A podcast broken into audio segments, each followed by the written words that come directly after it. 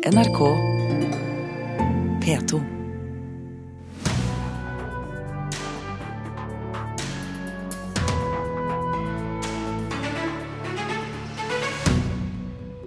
Gode lærere i kunst og håndverk er viktig for innovasjon, men regjeringens karaktergrense i matematikk hindrer rekrutteringen, mener høyskoleledere. Det må være høye krav, også til dem som underviser i sløyd, tegning og søm, svarer Høyre. Ung norsk regissør har laget tre spillefilmer på to år. Hans siste, avsluttet, uh, hans siste avsluttet filmfestivalen i Haugesund i går. Og Fredagspanelet diskuterer ytringsfrihet på Facebook senere her i Kulturnytt. Kravet om at studenter må ha karakteren fire i matematikk for å bli lærer i kunst og håndverk er feilslått politikk. Det mener altså høyskoleledere som nettopp arbeider med å utdanne lærere. Denne uken har innovasjons- og utdanningseksperter advart om at å ikke satse på praktiske fag, ja det hindrer nyskaping. Ved Høgskolen i Sørøst-Norge begynte bare fire studenter på faglærerutdanningen for kunst og håndverk i år.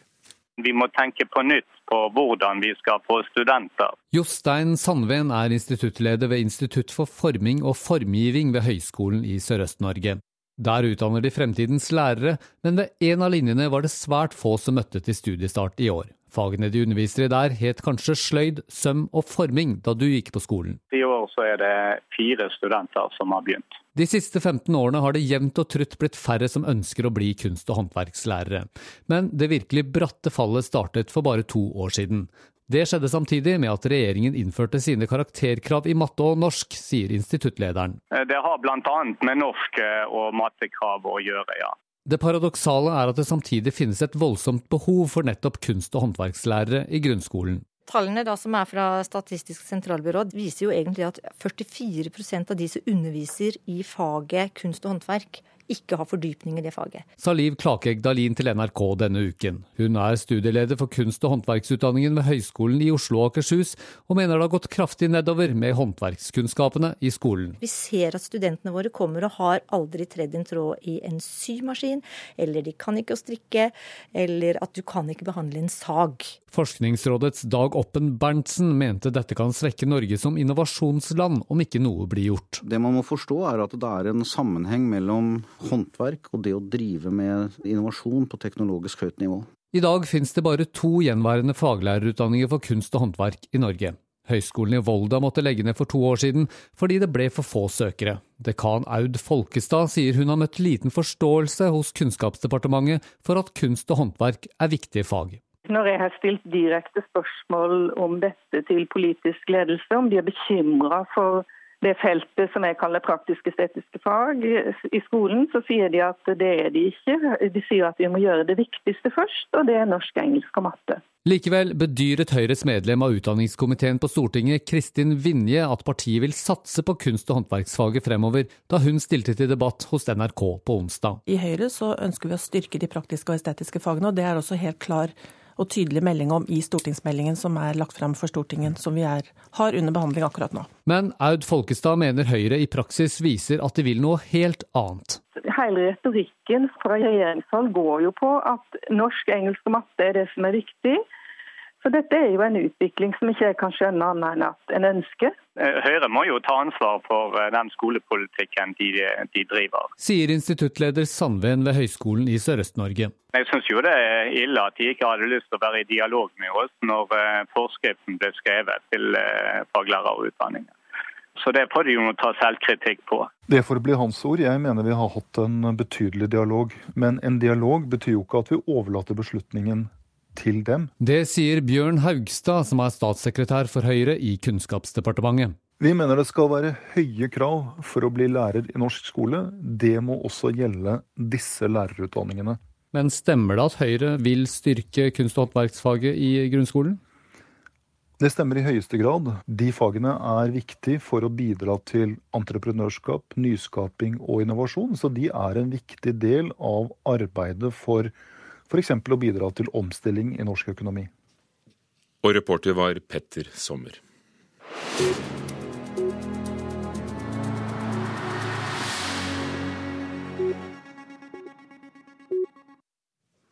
Mens, som vi har hørt i nyhetene i dag, redningsarbeidene pågår i Italia, og det er fortsatt et etterskjelv, har også kulturmyndighetene begynt arbeidet med å lage en liste over hva som er tapt av kunstskatter og historiske bygninger. 293 kulturminner er skadet, ifølge kulturminneministeren, og tallet vil øke, sa han på en pressekonferanse i går. I landsbyen Narquata del Tronto, der det hittil er funnet 46 døde, er eh, bl.a. også en kirke fra 1300-tallet ødelagt, og middelaldertårnet i landsbyen. I byen Urbino er eh, domkirken skadet av sprekker, og i Norcia er bymurene ødelagt. Kulturminneministeren Franceschini sier at utfordringen nå blir å bygge opp disse historiske landsbyene sånn at de ser ut som de har gjort i århundrer, men med jordskjelvsikring. Disse stedene må igjen bli slik de har vært inntil for bare få timer siden, sier han, og, og minner om at eh, byen Amatrice var listet opp blant Italias vakreste byer. Og dette er en oppgave som Italia skylder disse samfunnene, sa kulturminneministeren Franceschini i går. Derfra skal det handle om avslutningsfilmen på den norske filmfestivalen i Haugesund. Det er ingen som har vært her nede før. Vi kommer til å bli de første. Nei, men Ingen som tar for lett på dette her. Men det har dødd folk der før. Det ser ut som det er folk her. Vi må komme oss ut. Vi skulle aldri ha gått ned i grotten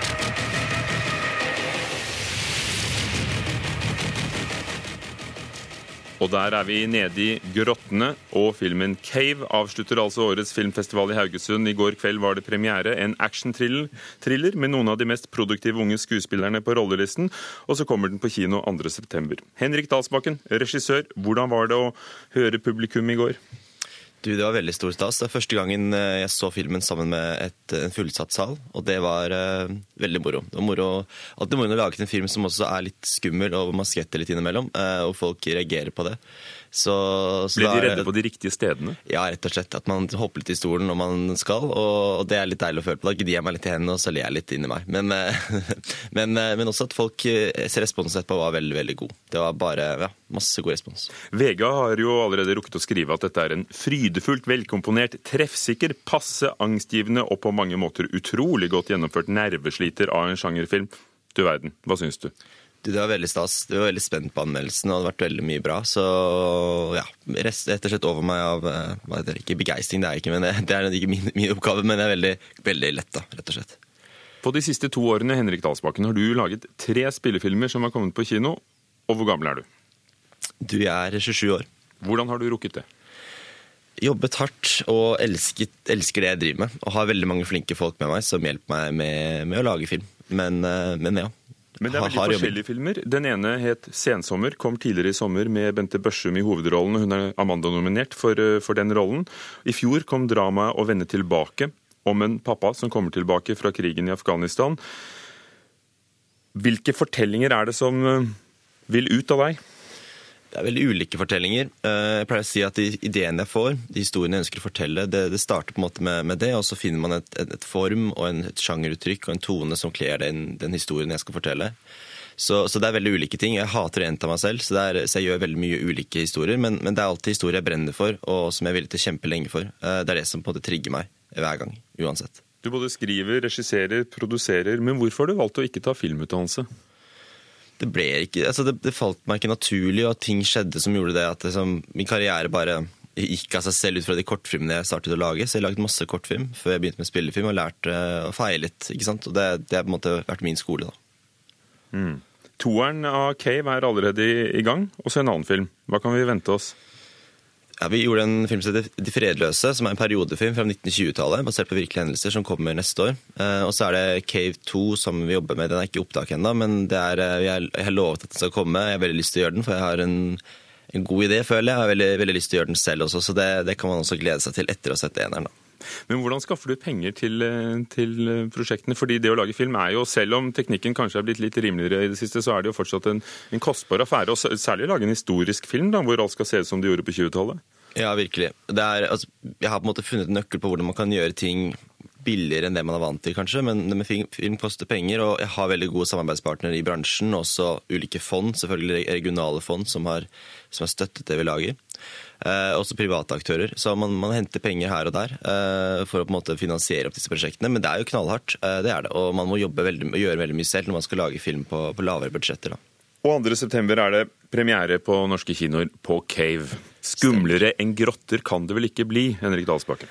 Nei, det er bare grotter du kanskje langt i en, i rommet i en, eh, vet jeg, romstasjon eller et sånn sted der. Det er veldig spesielt. Grotter er på en måte, du er som å være på en annen planet. Så man får veldig mye gratis av å filme på location i grotter, slik, slik vi har gjort. det.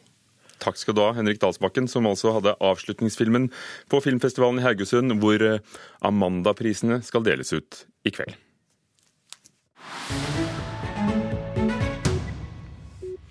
Vi skal møte en norsk popartist som eh, veldig få nordmenn har hørt om. Hun har ikke vært å høre her i NRK, og ikke har hun heller vært på VG-lista. Men likevel har hun suksess. Oh, when you lie, I don't know the truth, red alarm. På et gatehjørne i Londons Soho triller det ut noen smakebiter av en låt som de færreste nordmenn har hørt noe som helst av. Det har derimot tusenvis av amerikanere. Men stemmen er norsk. Mitt eh, navn er K. Syran, altså Katrine, da.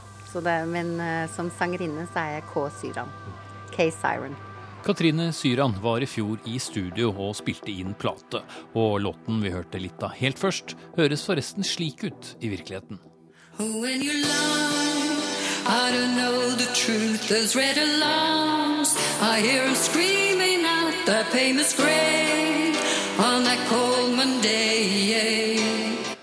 tittelen?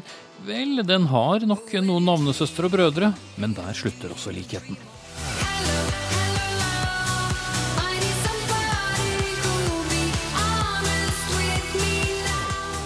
Det har gått fantastisk nå i Amerika og i England også. Så nå er jeg på topp 40 eh, chartlisten i Billboard, så det er helt utrolig. NRK møter Katrine Syran på en av Londons mange klubber, hvor hun bor og arbeider og lever litt av livet sitt. Resten tilbringes enten i Oslo eller i Genéve, hvor mannen og de fire barna bor. Der drev hun også mye med teater, testet ut forskjellige musikksjangere, og det var det en som likte. Og så ble jeg oppdaget av Paul Sutton, som jobber med Phil Collins og Jackson Brothers og disse. Og han introduserte meg da til en stor producer i, i London. Så derfor snurres norske Katrine Syran, eller Kay Siren, titt og ofte på de amerikanske radiostasjonene i selskap med en annen låt med nøyaktig samme tittel. Jeg tror det er over ti stasjoner som spiller det nå mer enn 85 ganger i uken. Så det, det er litt gøy. Og så ser jeg Adele sin 'Hello' spilles klokken fire, og så er min klokken seks. Og da er det bare yes! og mer blir det. Altså, De har jo puttet nå 'Hello' opp for Grammy Awards, til og med. De tror så mye på denne sangen. Så de mener at eh, til januar så er det fullt på alle radiostasjoner, eller alle, men mange radiostasjoner i Amerika. Og så, og så um, håper de på at eh, jeg kommer med en singel før albumet mitt. Så det, det er det de planlegger nå.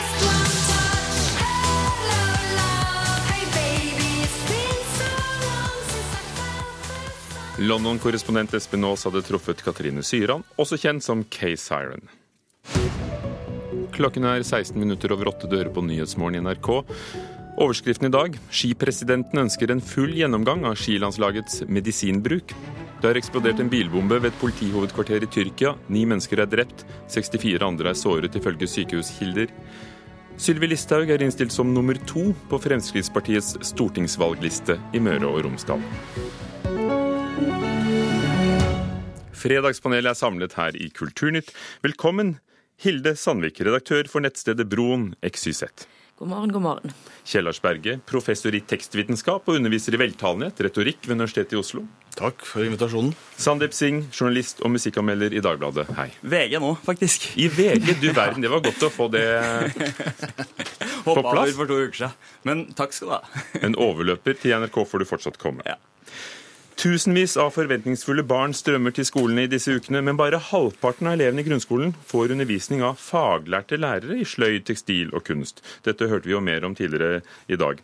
Uten praktiske ferdigheter svekkes Norge som land for innovasjon, advarer eksperter. Og vårt spørsmål er er sløyd og søm det som skal redde Norge etter oljen? Hilde Sandvik. Jeg må jo bare svare ja, selv om det sikkert ikke er sant.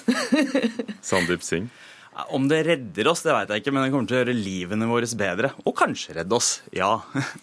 Ikke sløyd og søm, det høres ut som noe som jeg opplevde på 60-tallet, men eh, moderne former for praktisk opplæring som ligner på det vi kan, i dag, den gang kalte sløyd og søm, det er veldig, veldig bra. Og hvordan foregår det, tror du? Nei, altså, Det er eh, ingen tvil om at eh, dette med praktiske ferdigheter, bruke hendene sine til å skape noen ting, har vært nedprioritert i norsk skole i mange mange år. Og håndverksfag er jo et betydelig svekket. Det var allerede 97 med det Hernes-reformen, så det er noe, dette er gammelt nytt, altså. Sånn at eh, Endelig har liksom folk fått opp gluggene sine. Jeg kan ta, nevne to eksempler som jeg kjenner veldig godt til. Eh, det ene er på skole i Oslo, hvor de har rett og slett har fjernet uh, sløydsalene for å, å lage eh, auditorier isteden. For det er det som er viktig, at unge sitter og hører på forelesere. Seksåringer sitter og hører på forelesere istedenfor å drive med sløyd. Det, det sier jo litt, da. Så Det andre eksempelet mitt er at det er veldig mange dyktige eh, kunst- og håndverkslærere der ute som ikke får jobb fordi de mangler pedagogisk utdannelse. Så det at Skolene klarer ikke å vare på de kjempebra folka som finnes, og som er interessert i å jobbe med barn. Fordi at de krever veldig mye sånn teoretisering rundt fagene. da.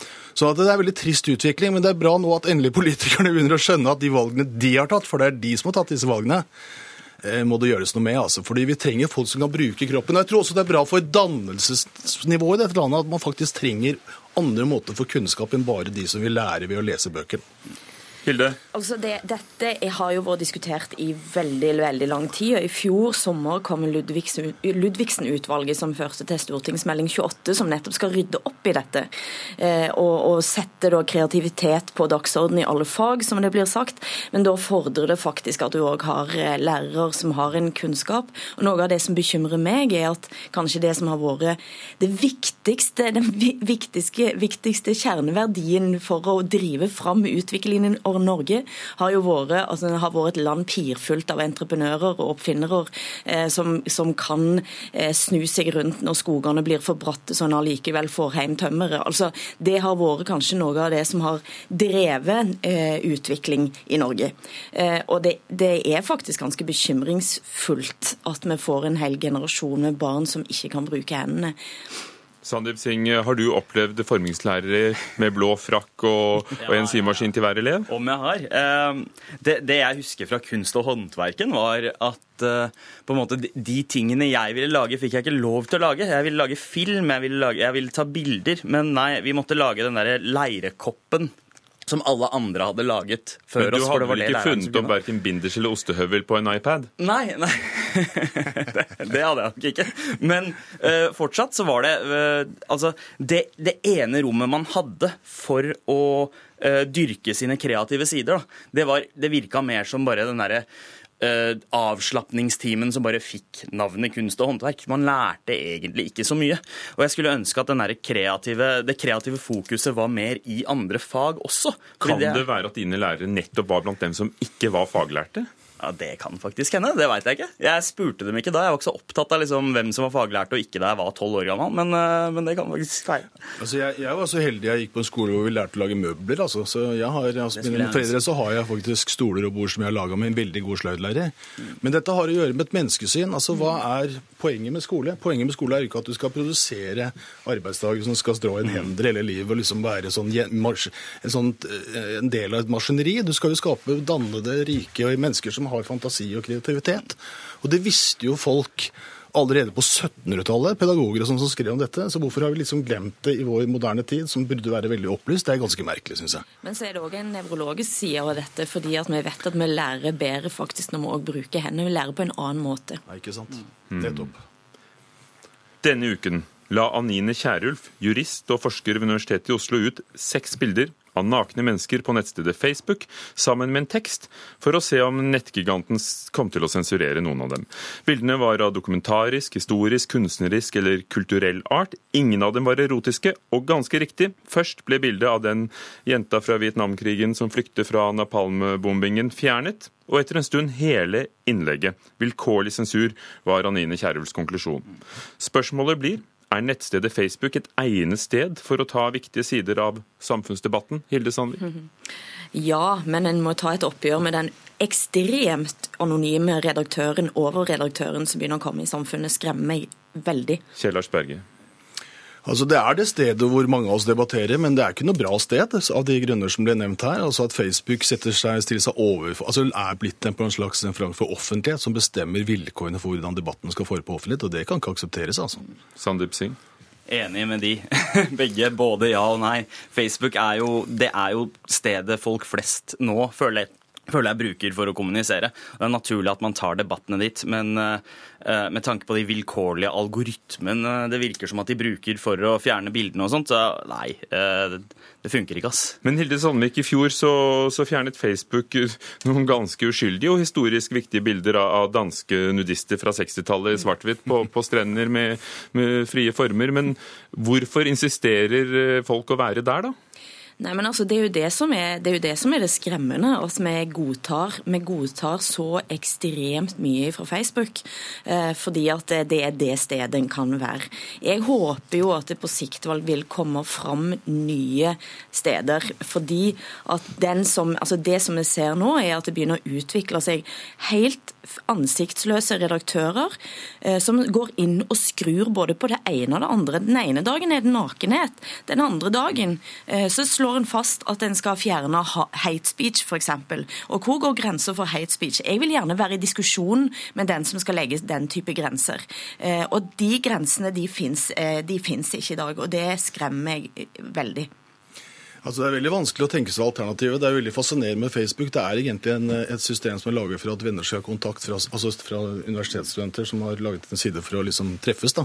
Og så er det også blitt et av de viktigste møtestedene for folk av alle typer. Altså Du kan jo diskutere det med folk over hele verden, og, og debatten er aktiv. ikke sant? Altså bare for å ta et eksempel. Vi hadde en veldig alvorlig lærerkonflikt for en tid tilbake. Apropos lærere. hvor altså det ble mobilisert på Facebook mot egen fagforening, og det endret liksom hele skoledebatten fundamentalt. da. Og Det viser hvor sterkt et sånt medium kan virke, det at den binder sammen folk som jo normalt ikke kommer sammen utenfor organisasjoner. ikke sant? Vi har det samme med Andrea Oldum-saken. Hadde ikke hun lagt ut sin outa disse karene som voldtok henne på, på, på, Facebook, så hadde det aldri blitt den debatten om voldtekt i dette samfunnet som det nå er. altså. Det, jeg tror mye av årsaken til at reglene er så diffuse, er jo at Facebook skal favne alle og hele verden, på tross av uh, alle kulturelle forskjeller. Og uh, i Norden så har vi jo et mye mer liberalt syn på nakenhet uh, i forhold til resten av verden. Så her er jo de reglene ekstra uh, banale. Men samtidig så er Facebook så inkonsekvente fordi man, man Altså, videoer av uh, barnelik som har eksplodert, kan dukke opp i feeden min med nakenhet. Altså en brystvorte. Uh, og når Altså det er lov å vise en mannlig brystvorte, men ikke en kvinnelig brystvorte. Altså, Hvilken dag var det det plutselig ikke var greit for uh, Caitlyn uh, Jenner å vise, vise, puppen sin på Facebook. Altså, det var på en måte... I overgangen fra, fra mann til kvinne, ja. Ja, ikke sant? Altså, Hvilken dag var det man bestemte at å ja, nei, nå funker det ikke lenger. Men, uh, men er det nettopp fraværet av en tydelig redaktør som også gjør at debatter som ikke ville kommet ellers, kan oppstå? Ja, Det tror jeg så at det, eh, at det, er. altså, fordi at Her kan folk si hva de mener og gjøre det ganske bramfritt. Men men så kommer Big Brother inn, da. Ja. Og så bare ja. Vi snakka om kreativitet i stad. Altså, hvorfor kan ikke folk lære alternative steder? Det er jo bare å sette i gang. Det er jo noen der ute som har lyst til å prøve seg, så sett i gang. Så skal vi gjerne delta på de stedene med en med en helt annen type redaksjonell holdning enn det Facebook-lederen har. MySpace for alltid, altså. Ja, Hilde Sandvik, du har, jo, du har jo laget et alternativt sted, nemlig Broen XYZ. Ja, ja, det, og det, det, her, Kjell Lars Berge, skal du få lov til å poste så mye nakenhet du bare vil. Takk skal du ha. Vi har altså Tumblr. Tumblr er ganske Underskog. Dagbladets nettsamfunn. Nettby. VGs nettsamfunn. Der ser man, der ser man. Men det er jo noe med den enorme det, Vi lever i et samfunn der det er the winner takes it all. Ja. Uh, og det skremmer meg òg, for å være litt sånn dystopisk på morgenkvisten, altså, at det er faktisk så forferdelig vanskelig å gå i eh, konfrontasjon med de store nettsamfunnene etter hvert. Vi skal videre, vi. Det skal handle om by og land og en klassiker, nemlig diskusjonen om Nasjonalgalleriet i Oslo det er uaktuelt å støtte en oppgradering av det hvis det går utover støtten til museer andre steder i Norge. Det mener både Senterpartiet og Museumsforbundet. Og på Lillehammer frykter Kunstmuseet at de vil bli skviset i kampen om pengene. Hvem fortjener disse kunstpengene mest? Nasjonalgalleriet eller distriktsmuseene? Kjellersberg. Ja, han er helt klart distriktsmuseene. Jeg syns den er litt komplisert, men jeg går også for distriktsmuseene. Du da, Hilde Sandvik? Nei, altså jeg, jeg, må da være så kontrafaktisk, holdt jeg på å si, at jeg sier, at jeg, sier jeg, går, jeg går motstrøms og kontrafaktisk. Fordi, at, fordi, det er et eller annet her med at denne debatten skulle en hatt for forferdelig lenge siden. Eh, altså da en begynte å planlegge det nye Nasjonalmuseet, som i utgangspunktet eh, kunne ha endt ut på et helt annet vis enn det er i dag. Eh, og det en nå ser, er at en bygger da altså en mastodont på, til 6 milliarder som det er pengene på bordet der. Og i tillegg så vil det altså kreve så store deler av kulturbudsjettet i alminnelig lang tid framover. Eh, så dette det er for seint, rett og slett. Men jeg mener selvsagt at Nasjonalgalleriet, det gamle Nasjonalgalleriet, med den historiske innordningen som det har, og, og ikke minst med den historien om Norge som formuleres der, som er, som er vesentlig å ta vare på. Altså, det er mange gode poenger her fra Hilde Sandvik, men jeg syns nok at vi bør gi, gi den nye Nasjonalmuseet en sjanse. Det kommer til å bli helt fantastisk, det er jeg helt sikker på. Og Det var helt nødvendig etter min mening med å, ha, å få bedre museer og bedre museumskvalitet i hovedstaden. Men her er det mer snakk om Nå ligger den gamle historiske bygningen der. Ja skal vi bruke penger på den, eller skal uh, altså, Og det, det, det, den blir jo ikke borte, så det skal vi jo uansett. Dette er jo sånn politikerspørsmål, ikke sant? for man kan ikke bruke, har ikke penger til alt mulig. Så det er klart at Da skal jo ikke selvfølgelig ikke distriktsmuseene og de, de altså distriktsmuseene Vi snakker om Trondheim og Bergen her, altså. De, den, de, de, de, stedene, eller de byene skal selvfølgelig også ha Og Tromsø og Stavanger ja, og Kristiansand. Jo, altså Jeg er jo en, en, tilhenger av nisje og mener at dette dølle ordet alle kaster ut i hytt og pine, men mangfold er ganske, ganske viktig. Uh, så istedenfor å på en måte skape den ene det, altså uh, Nasjonalmuseet er jo flaggskipet, men vi trenger på en måte alle de, alle de rundt også for å vise mangfoldet. Tenker jeg distriktsmuseer, så, eller uttrykket distriktsmuseer, så tenker jeg også liksom det derre eh, lille museet for teskjeer i en eller annen rundkjøring, men, men, eh, men ja, altså jeg Dere? Vet dere hva jeg gjør nå? Hva da? Skrur av. Jeg setter strek. Takk skal dere ha, Fredagspanel. Sandeep Singh, journalist i VG. Hilde Sandvik, redaktør for Broen, XYZ, og Kjellars Berge, professor i retorikk ved Universitetet i Oslo. Gjermund Jappé var produsent, Ugo Fermarello programleder her i Kulturnytt. Hør flere podkaster på nrk.no podkast.